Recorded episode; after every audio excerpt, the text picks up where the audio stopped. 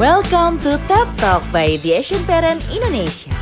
Parent sedang mendengarkan obrolan kami bersama expert membahas topik seputar parenting. Selamat mendengarkan. Hai dokter. Hai Mbak Risti, apa kabar? Apa kabar Baik, semuanya? Dok. Baik, kalau saya baik nih, alhamdulillah. Dokter gimana? Sehat, sehat, sehat. Sehat, sehat, alhamdulillah. Tuh parents, wah ada yang makan bakso hujan-hujan. Aduh, jadi pengen nih. Aduh, Semoga aduh. semua juga sehat ya. Amin, sehat-sehat semua. Gitu. Dok nih bahasan kita kali ini nggak kalah seru nih dok. Mengenai seks ekspektasi nih, bagaimana Ah, kita ah. namanya seks gitu kan hasrat sering naik turun nih dok, gitu loh. Nah pengen ngebahas dari sisi itu sisi apa ya, sisi kejiwaannya yang kayak gitu Ya. sih dok. Ya, ya. Mm, Banyak yang gitu. kena mental soalnya ya. Musim pandemi gini kan sering Mm-mm, bilang dok, kayak kena gitu, Dok." mental nih dok. Gitu lagi trending tuh istilah kena mental.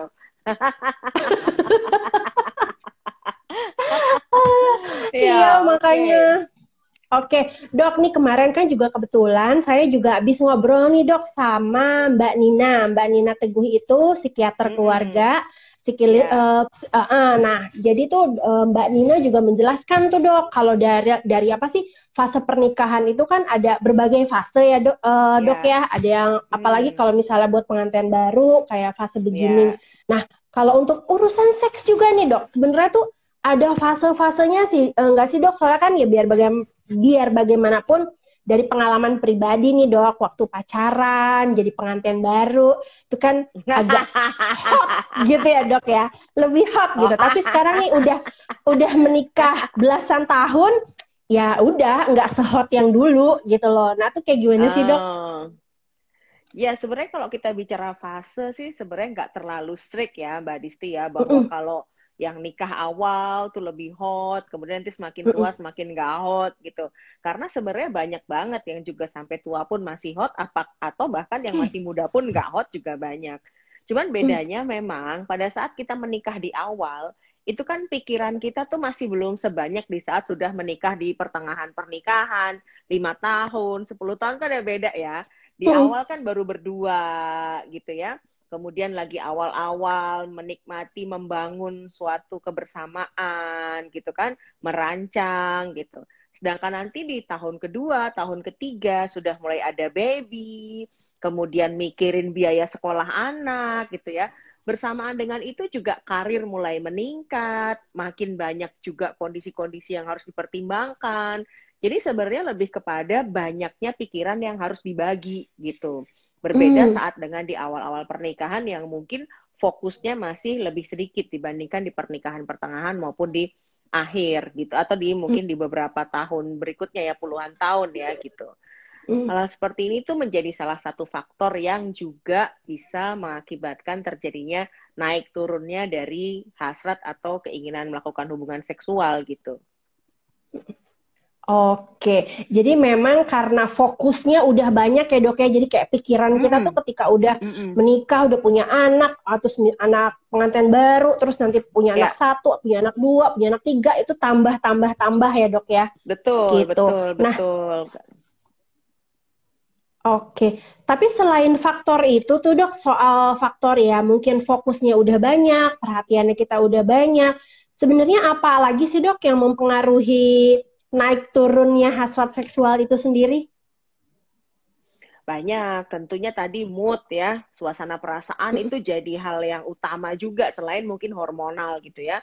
Jadi hormonal juga mempengaruhi, kondisi kesehatan tubuh kita mempengaruhi, tapi mood ini juga utama nih Mbak Adisti. Kenapa? Karena mood itu letaknya dengan sexual drive, dengan appetite, Hmm. itu tuh di satu bidang yang sama ya, di limbic system namanya kalau di otak kita ya.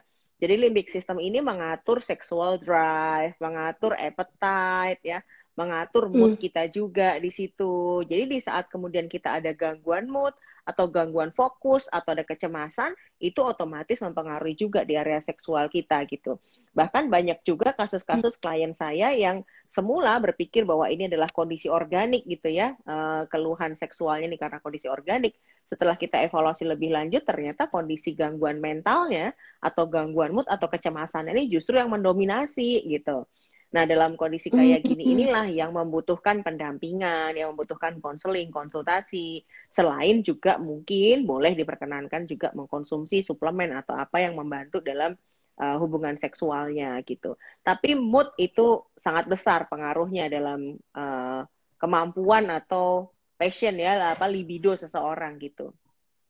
Hmm, iya, apalagi buat perempuan ya dok, kalau moodnya udah jelek, udah males tuh kayaknya yang dicolek sama suami aja tuh kayaknya udah apaan sih gitu. Dibanding iya nggak sih dok? Pengaruh pengaruh itu lebih ke perempuan atau sebenarnya ya laki-laki juga sama aja? Sama aja tidak ada yang kadang hmm. kadang-kadang orang mikir kalau laki-laki libidonya lebih tinggi perempuan. Nggak sebenarnya nggak hmm. juga.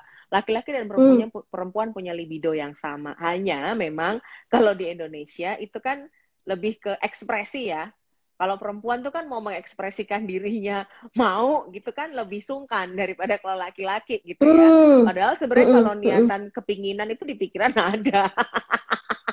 Cuman kan kalau misalnya ntar perempuan kok kayaknya minta-minta mulu gitu ya kesannya gimana hmm. agresif atau gimana.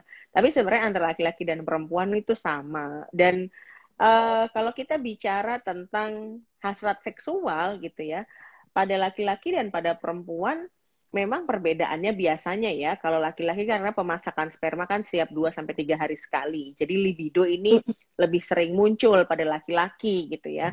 Kalau pada perempuan kan hmm. sebenarnya mungkin juga hampir sama tapi biasanya men menjelang ovulasi kan tinggi-tingginya. Jadi kesannya kayak perempuan hmm. lebih jarang padahal sebenarnya kepinginannya juga sama Mbak Adisti.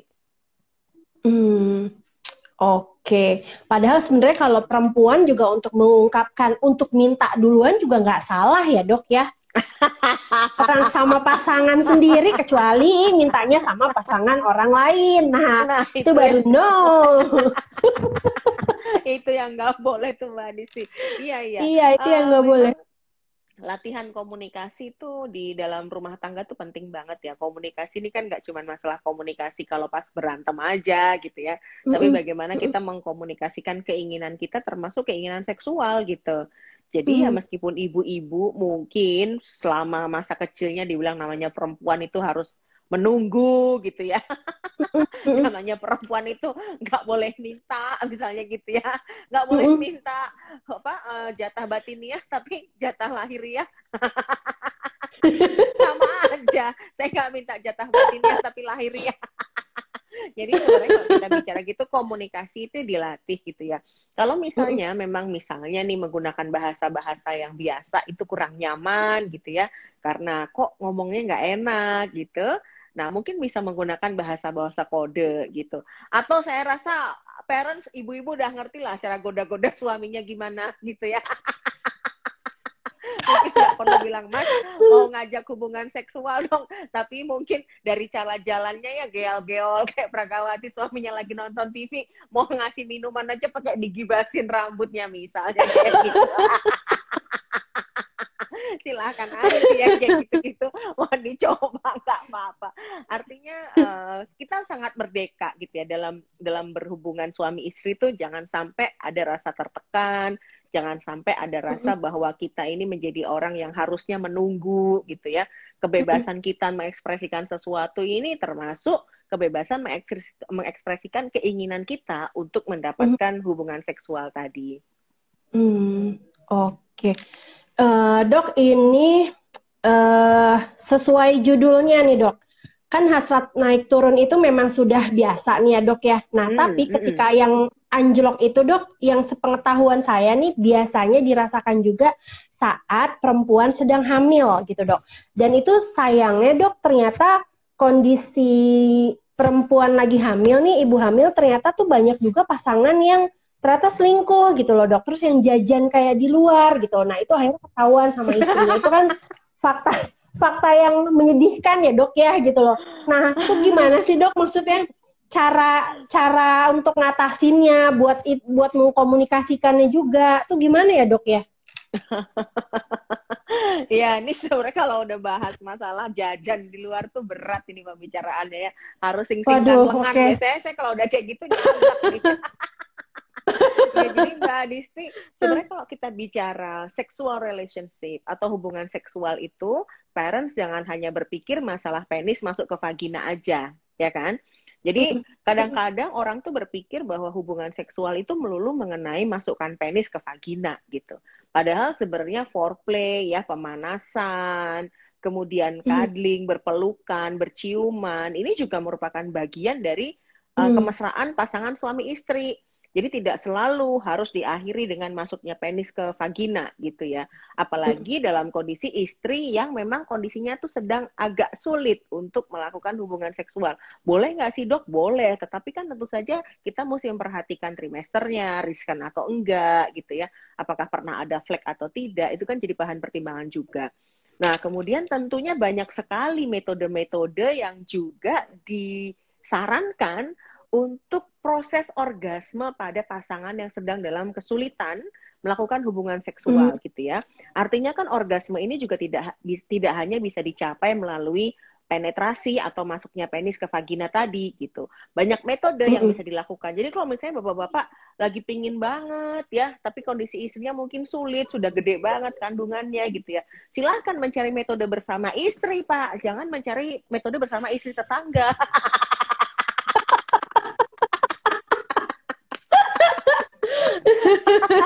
ya atau jangan juga bahaya bahaya. untuk, betul jangan juga bapak memilih untuk sewa ya pak. Ini bukan PlayStation yang bisa disewa gitu ya.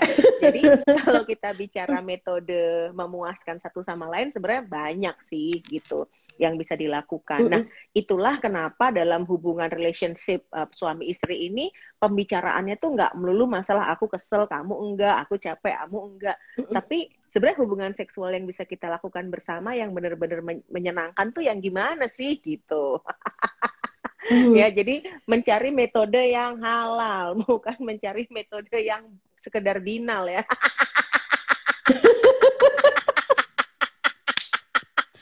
kan katanya nih dok, yang haram-haram itu, yang binal-binal itu memang yang yang dicari karena memacu adrenalin gitu kali ya dok ya. Oh gitu ya. dok ini saya langsung Kecuali. masuk ke pertanyaan ya dok ya. Hmm, gimana dokter? Silakan. Iya enggak? Ya silakan Mbak Disti.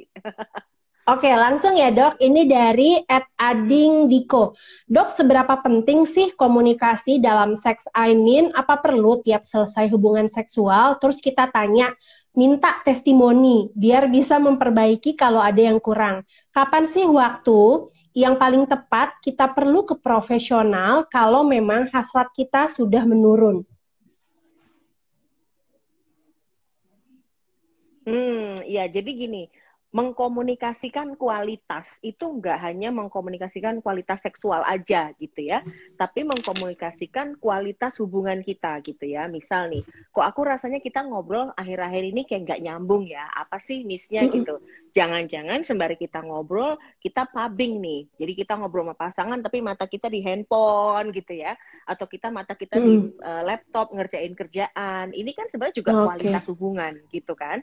Jadi tidak melulu masalah kualitas hubungan seksual saja yang kita perlu diskusikan dengan pasangan kita gitu ya. Termasuk bagaimana kualitas kita menjaga uh, anak kita, bagaimana kualitas kita menjaga kesehatan tubuh kita. Ini kan juga hal yang perlu didiskusikan. Nah, kalau kita terbiasa mendiskusikan semuanya dengan terbuka dengan pasangan kita, kondisi seksual pun kita juga bisa mendiskusikan itu gitu.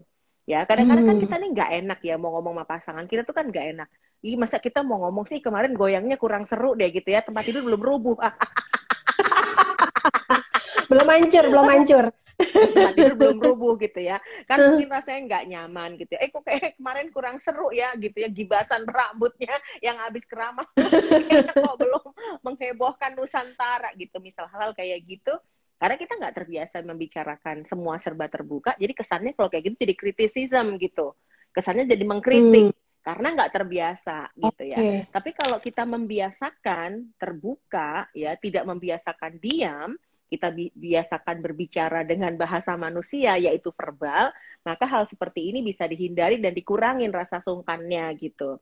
Tapi kalau kita terbiasa menggunakan bahasa paranormal seperti yang aku sering bilang ya Mbak Disti ya gitu kan, pas lagi hubungan seksual nggak enak gitu terus kita sambil ngebayangin belanjaan tadi pagi ya yang belum apa gitu ya. Ih besok siang mau bikin bubur gitu ya yang penting beres hubungan sama suaminya. Dan ini nggak disampaikan gitu ya. Hmm. jadi banyak banget mbak Disti yang kayak gini ini nggak dibicarakan dan kemudian berakhir tadi mencari dari luar mencari sewa ya karena nggak disampaikan gitu dan istri-istri sebenarnya juga sering kok mengalami ketidakpuasan dengan pasangannya gitu ya. Contoh misalnya Hmm. nih, pinginnya kalau habis hubungan suami istri ya kan dipeluk sama suaminya, dikecup keningnya gitu ya. Eh kagak, ini langsung tinggal ngorok aja kakak kakak gitu ya. Betul sekali dok. Betul Iya, sekali. iya, Nah itu iya. sebenarnya ada faktornya apa sih dok? Hmm. Yang apa? Ya karena tidak tidak terlatih Mbak Disti gitu ya. Hmm. Jadi nggak terlatih bahwa berbicara dengan pasangan ini sebaiknya terbuka gitu. Kita nggak terlatih menyampaikan apa yang menjadi ketidaknyamanan kita karena kita takut dianggap komplain gitu ya. Tapi mendingan Hmm. komplain di depan daripada kita diam dan kemudian itu menjadi tumpukan gangguan mood. Padahal tadi saya sampaikan kan, kalau mood kita nggak enak, seksual kita juga nggak maksimal gitu. Karena mood itu Mhm. sangat mempengaruhi terjadinya uh, orgasme juga gitu. Makanya ada yang hubungan seksual Mhm. orgasmenya susah banget terjadi gitu. Belum tentu organnya yang terganggu, bisa aja moodnya gitu. Hmm, Oke, dok. Ini pertanyaan berikutnya nih dok. Eh, dari Dini dah, eh, Dini dah, dokter minta saran, eh, minta sama pasangan sendiri aja kayak gimana gitu dok. Gimana tipsnya ya dok biar menyampaikannya enak, apalagi saat lagi hamil kayak gini, hubungan rasanya semakin jauh aja. Nah, ini sebenarnya tadi udah disampaikan ya sama dokter ya. Mm-mm, mm-mm. Hmm. Tapi nggak apa-apa kita bahas kembali pada prinsipnya adalah nggak enak itu untuk tujuan apa ya oh jagain perasaan pasangan gitu ya udah deh nggak apa-apa aku jagain perasaan pasangan tetapi menjaga perasaan pasangan saat itu menimbulkan ganjalan di semua lini kehidupan kita nantinya gitu ya jadi akhirnya kita ngerasa aduh ini nggak enak ganggu yang sebelah sini ganggu yang sebelah situ dan akhirnya menghambat semua komunikasi kita ini yang Hmm. kemudian menimbulkan friksi atau perselisihan gitu ya. Jadi di saat kita itu ingin membahas sesuatu dengan pasangan kita, satu yang jelas fokus ke permasalahannya apa. Jangan terlalu muter-muter gitu ya.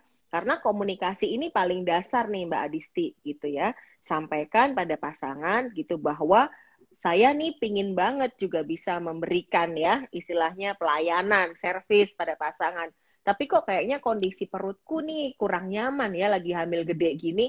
Yuk kita coba cari referensi bareng yuk metode gimana sih yang kamu tetap bisa enak dan aku juga ngerasa nggak nggak nyaman dengan kondisiku gitu. Hmm. Artinya di saat kita mendiskusikan ini kita nggak menyalahkan ya, kita nggak menyampaikan bahwa kamu kamu enak kamu enak aku nggak enak gitu, tapi mencari referensi berdua kira-kira metode apa nih yang bisa digunakan untuk saling mengenakan bersama gitu. Dan jangan juga Hmm. dibiasakan untuk menerima saja.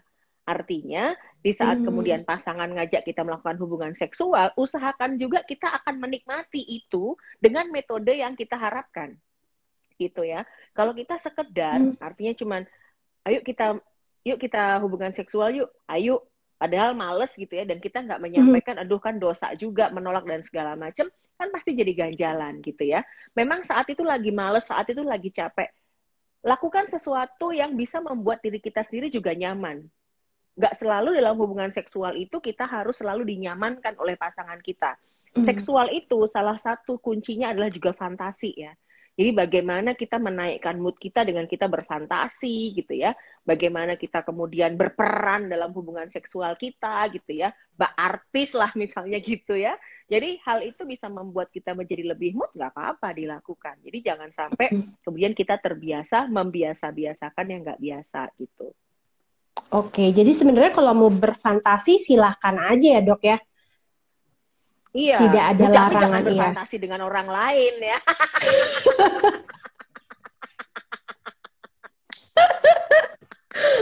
Ini Lah, Ntar bahaya nanti. berfantasi sama opa-opa drakor kan repot gitu ya. Suaminya nggak gimana mah enak nggak? Ah, daiba, daiba, cua, cua. Dia ngomongnya bahasa Korea. Nah, gimana dok? Kan kadang memang ada juga lah dok yang aduh membayangkannya tuh sosok ya idola yang yang yang dia impikan gitu. Nah itu sebenarnya jangan juga seperti itu dok. Jangan ntar kalau melek kaget malah nggak jadi orgasme loh. Gagal nanti ya dok ya. jangan jangan jangan ngebayangin sama orang lain, jangan ngebayangin sama idola kita gitu. Masa mau merem dari awal sampai akhir kan repot. kalau nggak sengaja melek terus kaget serangan jantung begini kenyataan. Aduh, dokter saya sampai mules. Aduh, repot deh. Oke, fantasi boleh, tapi yang nggak usah berfantasi yang sama orang lain, sosok lain ya Enggak, dok gitu ya. Jangan, bener. Jangan. Boleh fantasi sama orang lain. Nggak boleh itu. Aduh. Kalau variasi seks nih dok, seberapa Mm-mm. penting dok? Oh ya penting. Jadi gini, eh, salah satu yang bisa membuat kita happy, bahagia, itu ada zat yang namanya serot eh, dopamin, Mbak Adisti gitu ya. Nah, dopamin ini bisa diproduksi kalau ada hal-hal baru yang kita lakukan gitu. Hmm. Karena apa? Dopamin ini sifatnya dia itu akan muncul kalau ada hal yang membuat kita bergairah atau kita senang gitu ya. Nah, makanya variasi dalam hubungan seksual itu sangat penting untuk membuat otak kita nih menemukan hal baru gitu ya. Dengan hal Hmm. baru ini dopaminnya keluar, ada pleasure, nah nanti serotoninnya naik gitu ya. Kemudian oksitosinnya bisa keluar, kita bisa orgasme dan hubungan kita menjadi lebih hangat gitu ya. Jadi pada saat kita Hmm. berpelukan dengan pasangan kita, ya kita mendekatkan tubuh kita dengan pasangan kita, ini kan hormon oksitosinnya keluar gitu. Nah kemudian hormon-hormon yang lain, neurotransmitter yang lain itu juga berperan gitu. Makanya penting banget untuk melakukan variasi ya. Kalau misalnya me- melakukan variasi eh, posisi agak sulit untuk pasangan dikarenakan mungkin kondisi hamil atau apa, bisa variasi tempat gitu ya. Tapi saran saya pilih-pilih tempat yang aman ya. Karena beberapa klien saya dok kemarin nyoba di kamar mandi kepleset. Ya kamar mandinya jangan habis dipakai mandi ya. Basah lantainya ya. Iya. Licin juga di- semuanya ya. Betul, jangan juga di dapur yang habis pakai goreng bakwan ya. Berminyak semua nanti. Aduh. Aduh. Iya, gitu, Mbak Dok, nih lanjut ke pertanyaan berikutnya ya dok dari Hmm. Epipit Fitriani. Dok, untuk tetap eh, untuk tetap hasrat biar enggak naik turun, boleh nggak sih dok kita menggunakan atau pakai bantuan jamu-jamuan? Nah, gimana nih dok? Atau Ya, hmm, sebenarnya sebenarnya meminum suplemen ya atau vitamin itu boleh-boleh aja ya.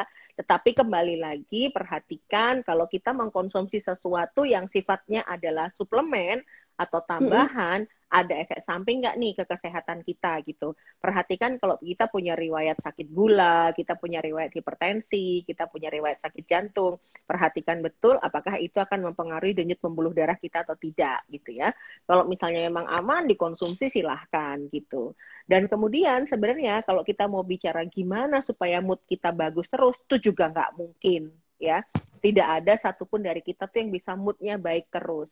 Jadi tadi karena judul kita adalah seks, ekspektasi, selain kita ekspektasi pada seks, jadi kita juga harus sadar ekspektasi kita terhadap mood gitu. Mood kita nggak selalu bagus kan, jadi ada kalanya juga di saat Mhm. kita mungkin mau melakukan hubungan seks, ekspektasi kita menurun di saat mood kita juga turun. Jadi pada saat mood kita turun, jangan kemudian kita ngerasa bersalah, jangan kemudian kita ngerasa Hmm. berdosa, jangan kemudian kita ngerasa, ih aku kok kayaknya nggak bisa membahagiakan pasanganku ya. Karena sebenarnya pasti normal dan wajar banget di saat ada kejadian yang membuat kita mood yang nggak enak dan kemudian uh, hasrat seksual kita juga menurun. Contohnya kayak pandemi gini kan Mbak Desti, Mbak Desti kita kan lagi Mm-mm. kena cabin fever ya. Jadi berada di ruangan Betul. yang sama terus, nggak bisa keluar, ngelihat muka pasangan kita dari pagi sampai tidur lagi gitu ya. Nah tadi yang saya bilang tuh dopaminnya nggak bisa keluar kan ngelihat terus ya. Jadi kita sampai Mhm. masuk ke fase monoton gitu. Nah begitu masuk fase monoton, dopamin kita tuh susah keluar. Akhirnya nggak ada Mhm. excitement, nggak ada pleasure gitu. Nah di saat kemudian mencoba untuk melakukan hubungan suami istri ya untuk mendapatkan excitement kok nggak keluar nah ngerasa bersalah nih gitu ngerasa berdosa Mhm. gitu dan yang tidak kalah berbahaya adalah di saat menurunnya hasrat seksual dari pasangan pikiran-pikiran kecurigaan dari pasangan ini mulai muncul nah biasanya bermula Hmm. dari sini nih intrik-intrik ya kemudian eh, percikan-percikan permasalahan kecemburuan tuh munculnya dari sini gitu Oke, dok, ini juga ada yang bertanya nih dok soal makanan. Apakah makanan Hmm. juga bisa mempengaruhi naik turunnya hasrat seksual dok? Ya memang Ada nggak banyak ya. makanan-makanan yang bisa membantu? Ya, sebenarnya kalau kita bicara tentang makanan sih banyak mitos yang makan ini, makan itu, makan Hmm. ini, makan itu ya. Prinsipnya semua makanan yang sifatnya adalah makanan sehat dan bisa membugarkan tubuh, itu bagus untuk Hmm. membantu kemampuan seksual gitu ya. Sebenarnya nggak ada yang Hmm. terlalu spesifik gitu. Jadi bagus untuk membantu kesehatan sek- eh, kekuatan seksual atau performansi seksual kita. Nah, makanan-makanan yang sifatnya berat di digest itu tidak disarankan Mhm. dikonsumsi pada saat menjelang hubungan seksual gitu. Karena apa? Otomatis fokus energi tubuh itu untuk mengelola makanan itu. Sehingga pada Hmm. saat kemudian dibutuhkan energi untuk melakukan hubungan seksual, dia nggak terlalu powerful untuk ke arah seksualnya gitu.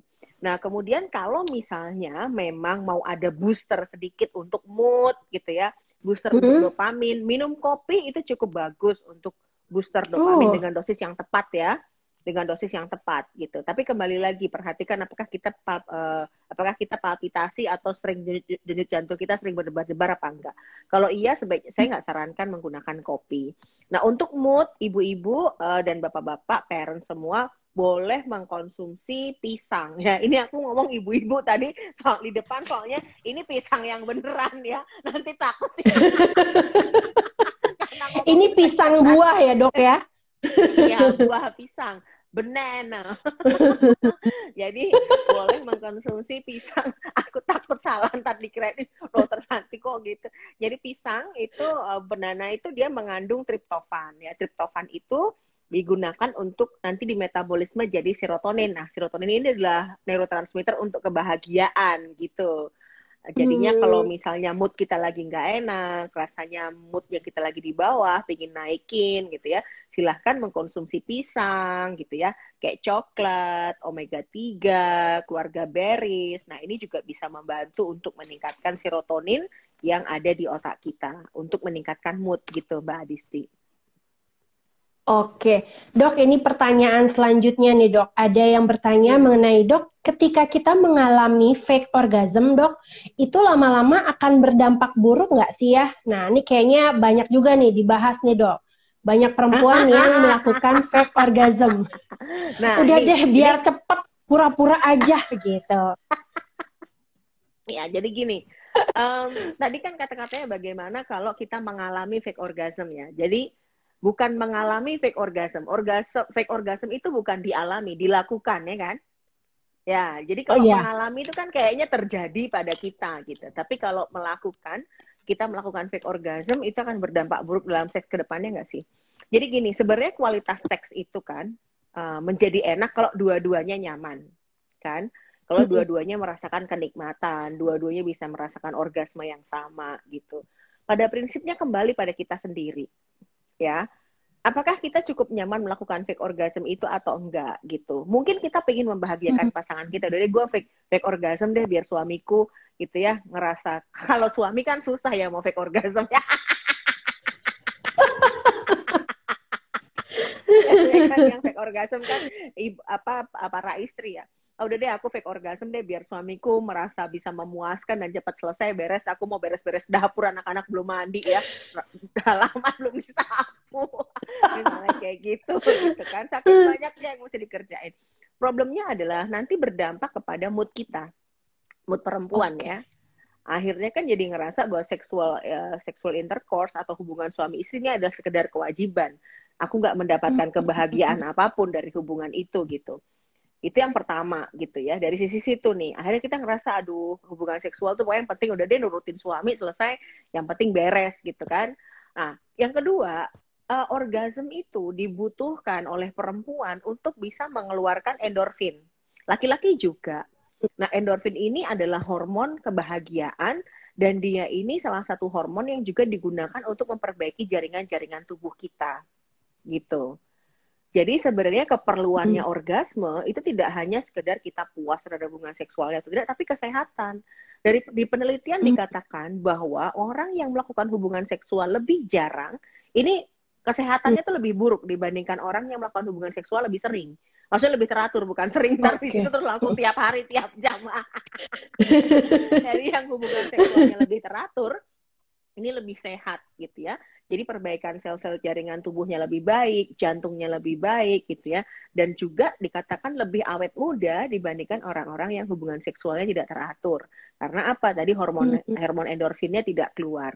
Jadi dampak terhadap seks berikutnya kepada perempuan, oh iya kita jadi ngerasanya kayak cuman sekedar melakukan kewajiban aja, nggak ada excitement. Okay. Yang kedua dari kesehatan gitu, uh, wanita tuh butuh orgasme itu untuk kesehatan. Jadi saya selalu sampaikan kepada klien-klien saya, bapak dan ibu ya parents jangan berpikir bahwa seksual itu hanya masalah reproduksi saja dan masalah rekreasi gitu ya. Mm. Ini masalah mm. kesehatan gitu. Jadi dibutuhkan hubungan suami istri itu untuk health bukan sekedar rekreasi ya karena nggak bisa rekreasi ke taman safari kan rekreasi sama suami istri gitu tapi kebutuhan untuk kesehatannya juga penting gitu hmm.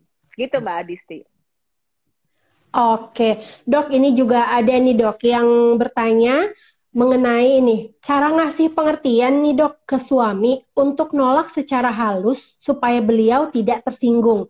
Nah kadang-kadang kan nah. kan memang suka ya jadi kayak nggak enakan gitu, akhirnya ya ujung-ujungnya mungkin bisa melakukan fake orgasm gitu. Nah gimana nih dok? Ya, oke. Okay. Jadi dalam hubungan seksual ini kan juga ada yang namanya perjanjian ya kan. Itu tadi yang saya bilang, nih hal-hal yang perlu dibahas hmm. gitu ya.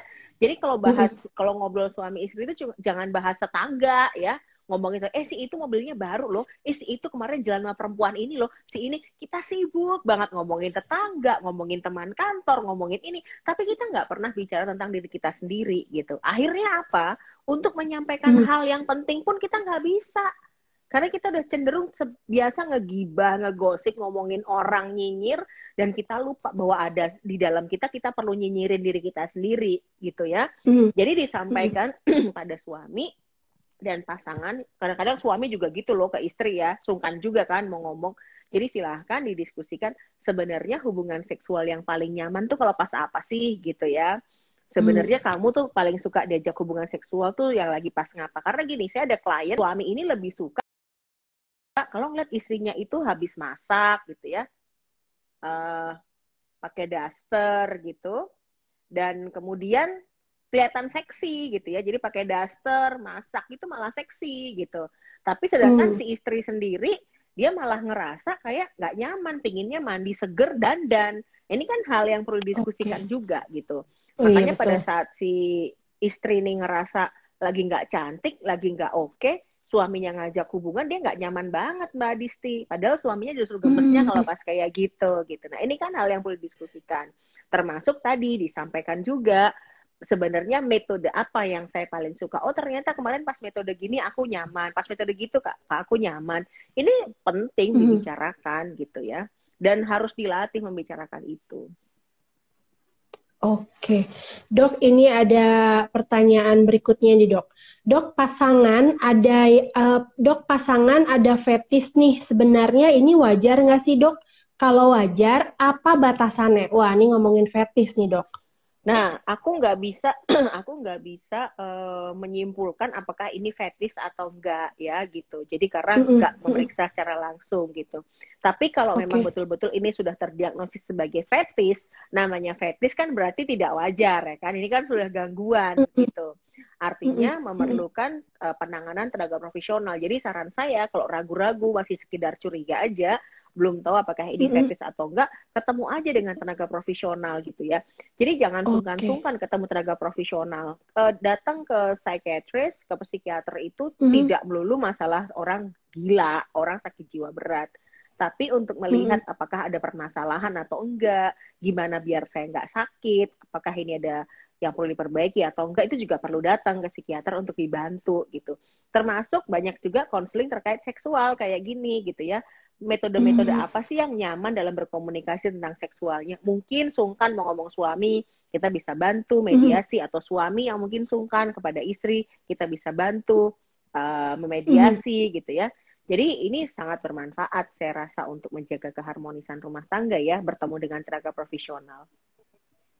Oke, dok, ini saya jadi ingat ada curhatan temen nih dok. Uh, dia bilang kalau pasangannya itu kayaknya kayak selalu minta jatah tuh sehari bisa sampai tiga empat kali. Terus dia yang bilang, hmm. ini apakah suami suamiku tuh hypersex ya? Nah, terus sebenarnya batasannya tuh apa sih dok gitu? Apakah memang minta setiga empat kali sehari itu dikatakan hypersex? Nah itu kalaupun ada yang pasangannya demikian, nah gimana nih dok untuk mengatasinya supaya nggak jadi apa ya nimbul friksi-friksi yang jadi akhirnya berkonflik gitu dok? Ya, jadi disebut hipersex itu kan kalau memiliki hasrat seksual yang berlebihan ya Mbak Adisti ya, mm -hmm. lebih dari seharusnya. Sebenarnya hubungan seksual untuk seseorang itu suami istri itu dalam seminggu sebaiknya kan 2 sampai tiga kali seminggu ya. Tapi bahwa ada yang lebih mm. melakukan sehat-sehat saja. Tetapi kalau sehari sampai lebih dari dua kali tiga kali sebenarnya sudah lebih daripada seharusnya gitu. Tapi apakah ini hiperseksual atau tidak? Ini perlu diperiksa lagi karena gini, okay. ada beberapa kasus uh, melakukan hubungan seksual ini bukan karena dia seksual drive-nya, tetapi ada kecemasan yang sedang dia hadapi dan dia mengkap, uh, mengcover atau mengkop kecemasannya itu dengan sexual relationship atau sexual intercourse.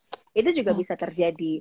Itu kenapa kalau kita menilik, uh, melihat atau mungkin mencurigai gitu ya, ada yang kurang pas nih dengan pasangan saya, nggak apa-apa langsung aja datang ke profesional ke tenaga profesional gitu hmm. ya supaya nanti kita bisa tahu nih apa yang bisa kita lakukan untuk membantu pasangan kita gitu.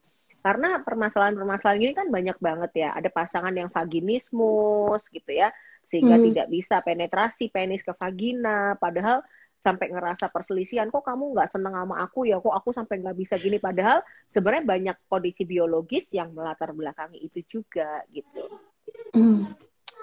Oke, okay. jadi mungkin nih parents kalau memang ada masalah, kalau memang mau konsultasi juga bisa langsung ini ya dok ya, uh, teleko ya. ini ya sama dokter ya. Telekonsultasi, gitu. hmm, betul. Iya telekonsultasi sama ini, dokter sudah banyak psikiater yang bisa telekonsultasi di masa pandemi ini ya. Jadi nggak perlu datang gitu kita telekonsultasi. Nah, nanti selanjutnya apakah harus datang ketemu atau bisa dilanjutkan telekonsultasi selanjutnya itu nanti akan disampaikan oleh dokternya gitu Mbak Adisti. Iya. Nih jadi sebenarnya justru enak nih. Soalnya kan dokter kan sebenarnya juga bukan di Jakarta nih. Jadi buat kayak saya buat temen-temen buat parents yang di Jakarta kalau mau konsultasi dengan dokter bisa aja gitu lewat tele nah, tele ini ya dok ya. mm-hmm. iya gitu. Dok nih ada pertanyaan berikutnya nih dok. Uh, dok saya Bapak, dan Bapak suami ada yang nanya nggak tuh? Ini kebanyakan perempuan nih dok. Iya iya, uh, iya Uh, uh, dok, uh, saya dan suami beda 10 tahun. Aku ngerasa lebih bergairah, dok. Suami itu jarang banget ngajak nge-seks. Jadinya aku yang selalu ngajak. Sekspektasi jadi tidak terpenuhi, dok. Nah, ini bagaimana ya? Padahal pengen banget kalau seks itu bisa saya nikmati. Tapi suami selalu pengen buru-buru, dok. Jadi suka berpikir ke yang lain, kayak apa aku kurang oke okay ya. Nah, nah.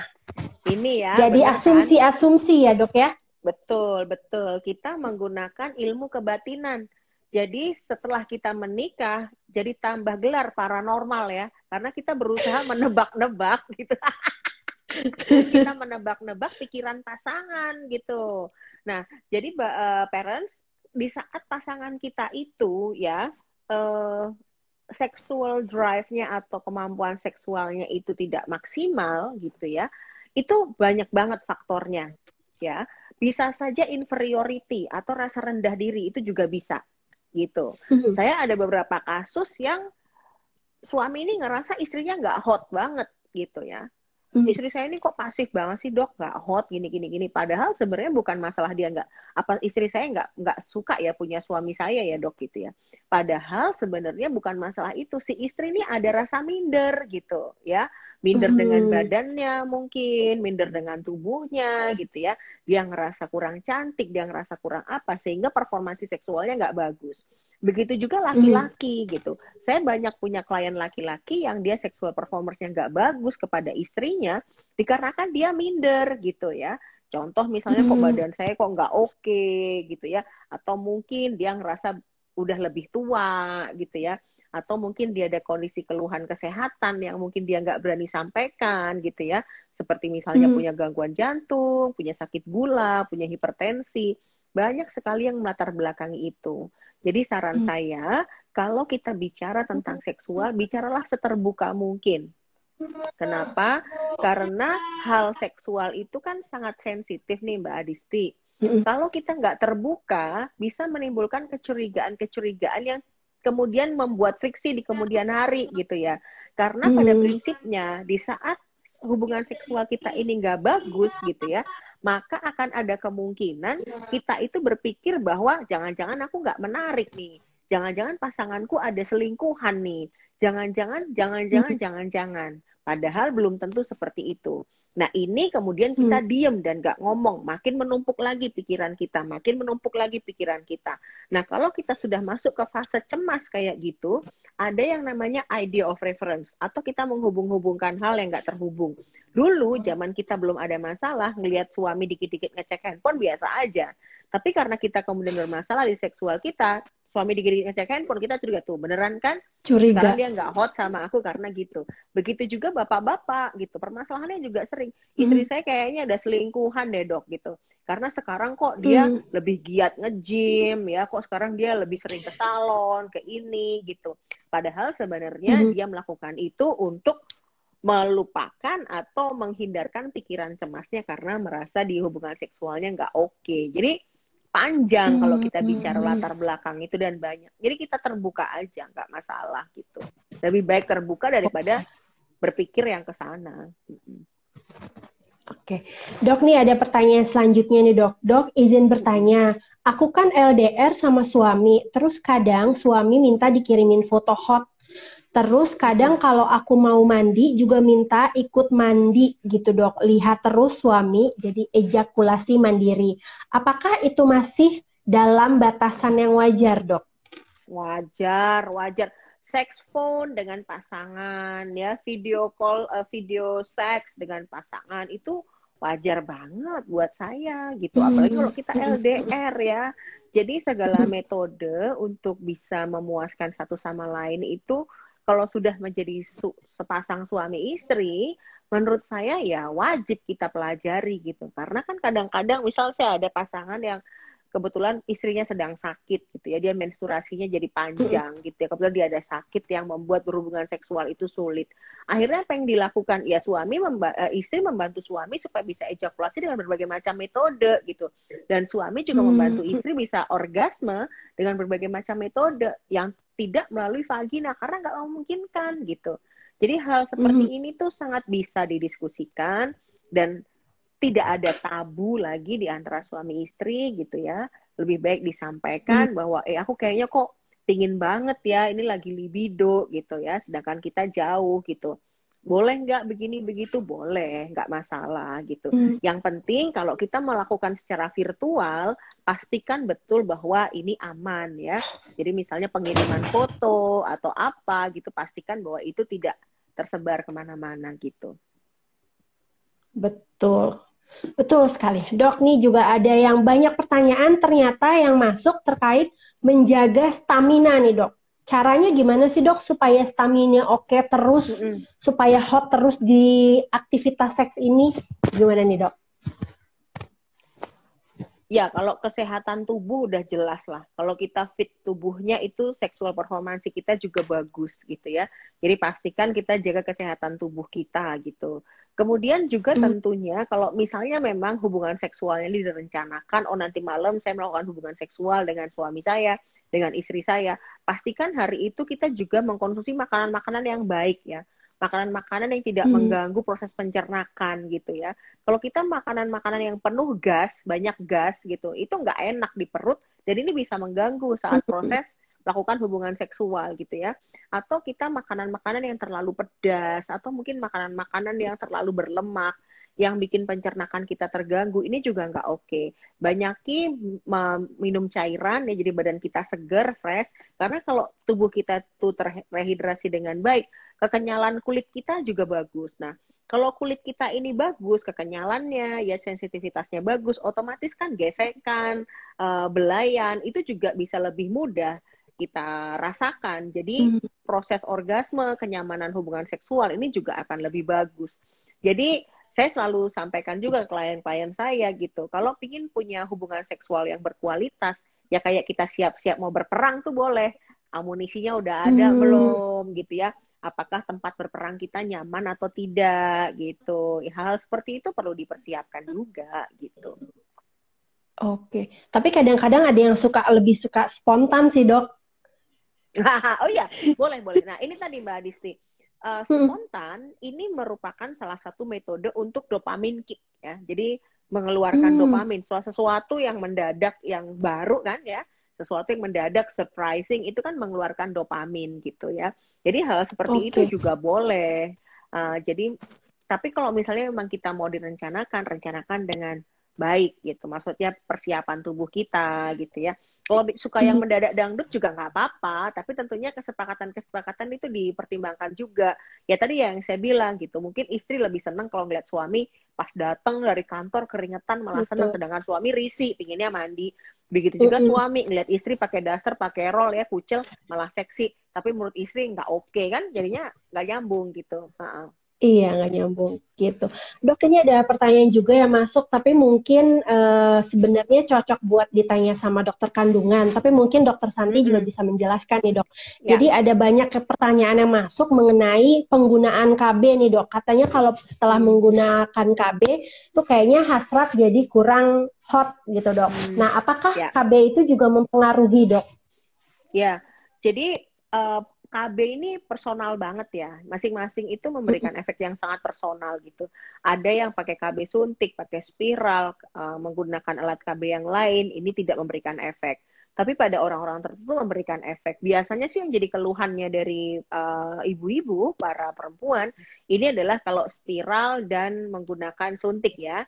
Jadi kadang-kadang menimbulkan gangguan hormonal gitu yang berakibat ke arah gangguan libido. Memang sangat bisa terjadi, tetapi tidak selalu begitu.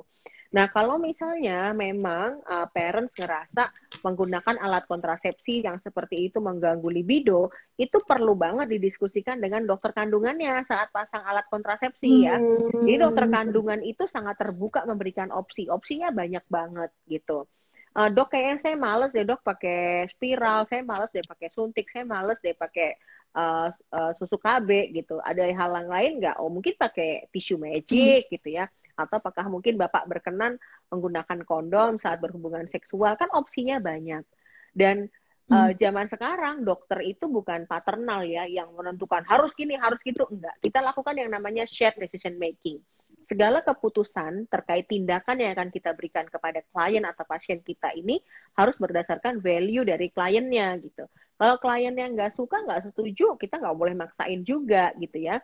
Kayak misalnya klien saya, saya kasih obat tablet, terus dia ngerasa dok saya ini nggak suka minum obat tablet, saya tuh males nggak bisa hmm. nelen begini begitu, saya akan tawarkan yang lain. Apakah kamu mau memilih yang sirup apakah kamu mau memilih yang suntik sebulan sekali? Opsinya banyak dan ini ditawarkan. Jadi silahkan nanti didiskusikan dengan dokter kandungannya ya. Kira-kira alat kontrasepsi apa nih yang nyaman gitu. Apakah bisa mempengaruhi? Bisa, tapi belum tentu. Hmm. Gitu Mbak Adisti. Oke, dok nih aku jadi penasaran nih dok kan kadang-kadang juga ya kan memang ekspektasi itu kan memang naik turun nih dok. Cuma kadang-kadang apalagi di situasi pandemi sekarang yang ketemu dia dia terus gitu hampir 24 ah, iya, jam gitu.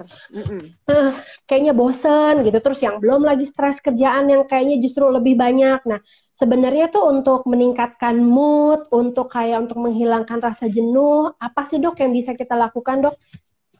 Ya tadi karena dopamin itu hanya bisa diproduksi dari stimulus eksternal dan sesuatu hal yang baru, maka saya sarankan parents untuk melakukan hal-hal yang tidak pernah dilakukan dulunya selama hmm. work from office ya. Sekarang kan WFH hmm. gitu. Contoh nih misalnya hmm. saya nggak bisa nyaranin harus olahraga. Ada yang olahraga tuh nggak seneng gitu kan. Jadi kok semua orang nyaranin olahraga? Meskipun itu penting juga gitu ya saya sarankan untuk melakukan hal yang kita nggak pernah lakukan uh, sehari-hari gitu kayak hmm. misalnya saya sebagai dokter kerjaannya eksak harus jelas, harus tepat, nggak boleh ada room for error, kreativitasnya minimal. Maka saya lakukan kegiatan yang menggunakan banyak kreativitas, misalnya melakukan desain, belajar memasak. Mm-hmm. Ini kan hal-hal yang merubah pola saya sehari-hari, sehingga otak itu akan memunculkan serabut-serabut saraf baru, Mbak Adisti.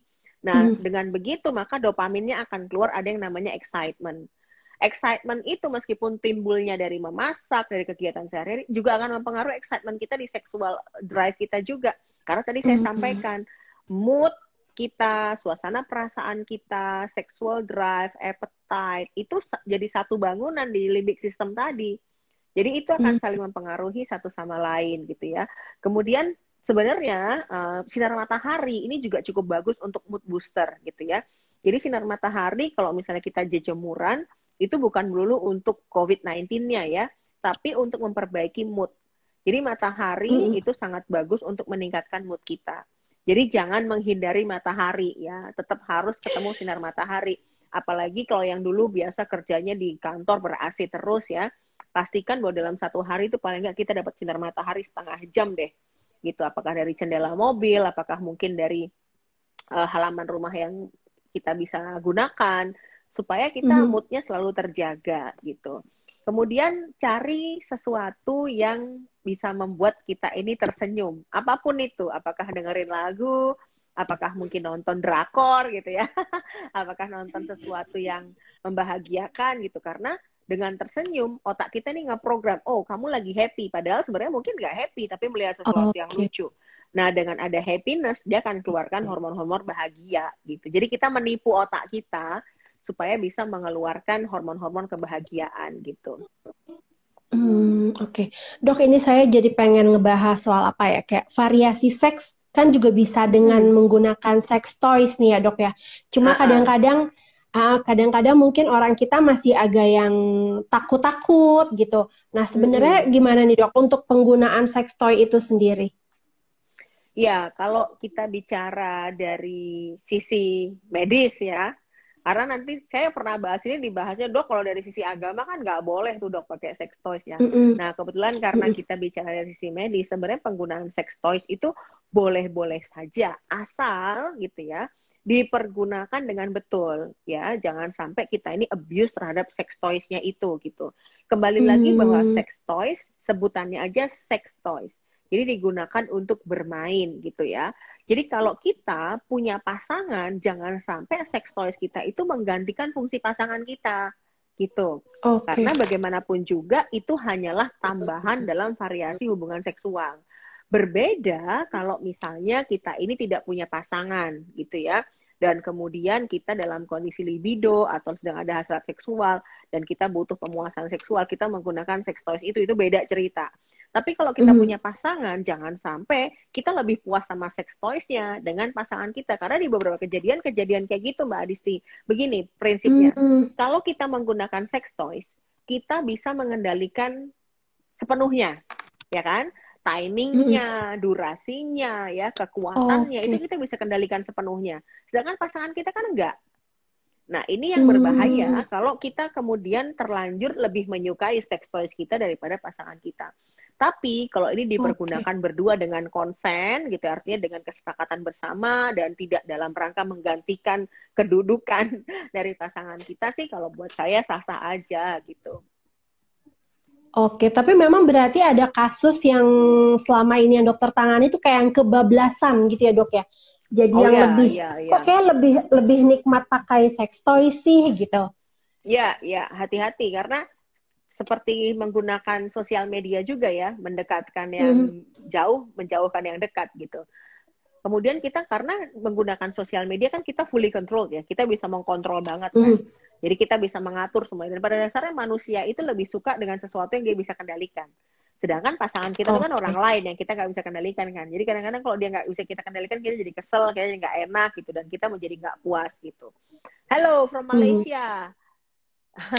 Wah. Dokter, ini ternyata sudah jam 8 lewat. Saya takut terputus. Ternyata oh, nggak wow. berasa banget nih. Nggak berasa biasa, banget ngobrol sama dokter. biasa. Jadi, Uh-uh, aku tadi mikirnya mohon- kita barusan aja yang ngobrol. makanya mohon maaf nih banyak pertanyaan yang nggak bisa, Ya. akhirnya nggak bisa langsung di, eh, eh, nggak bisa dijawab nih sama dokter Santi. Dok, buat Oke. closing statement nih dok mengenai kelola ekspektasi hasrat naik turun. Nah, apa nih dok yang perlu kita ingat nih sebagai pasangan suami istri? Ya, tentunya karena kita adalah pasangan ini dari dua orang yang berbeda ya, dengan metode berbeda, punya pikiran yang berbeda. Kadang-kadang kita memiliki ekspektasi yang mungkin eh, seperti apa yang kita inginkan ya. Perbedaan dalam hubungan rumah tangga itu adalah justru sesuatu yang menunjukkan variasi dan keberagaman kita gitu. Kalau kita sibuk untuk selalu menginginkan pasangan kita memenuhi semua ekspektasi kita, hati-hati gitu ya.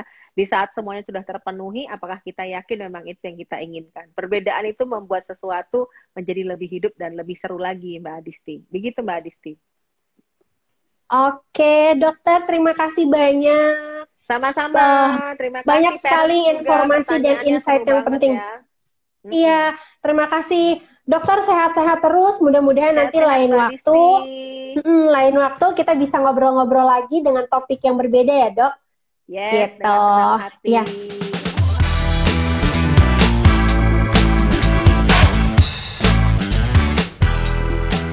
Terima kasih telah mendengarkan TED Talk. Dengarkan juga podcast lainnya dari The Asian Parent Indonesia. Sampai jumpa.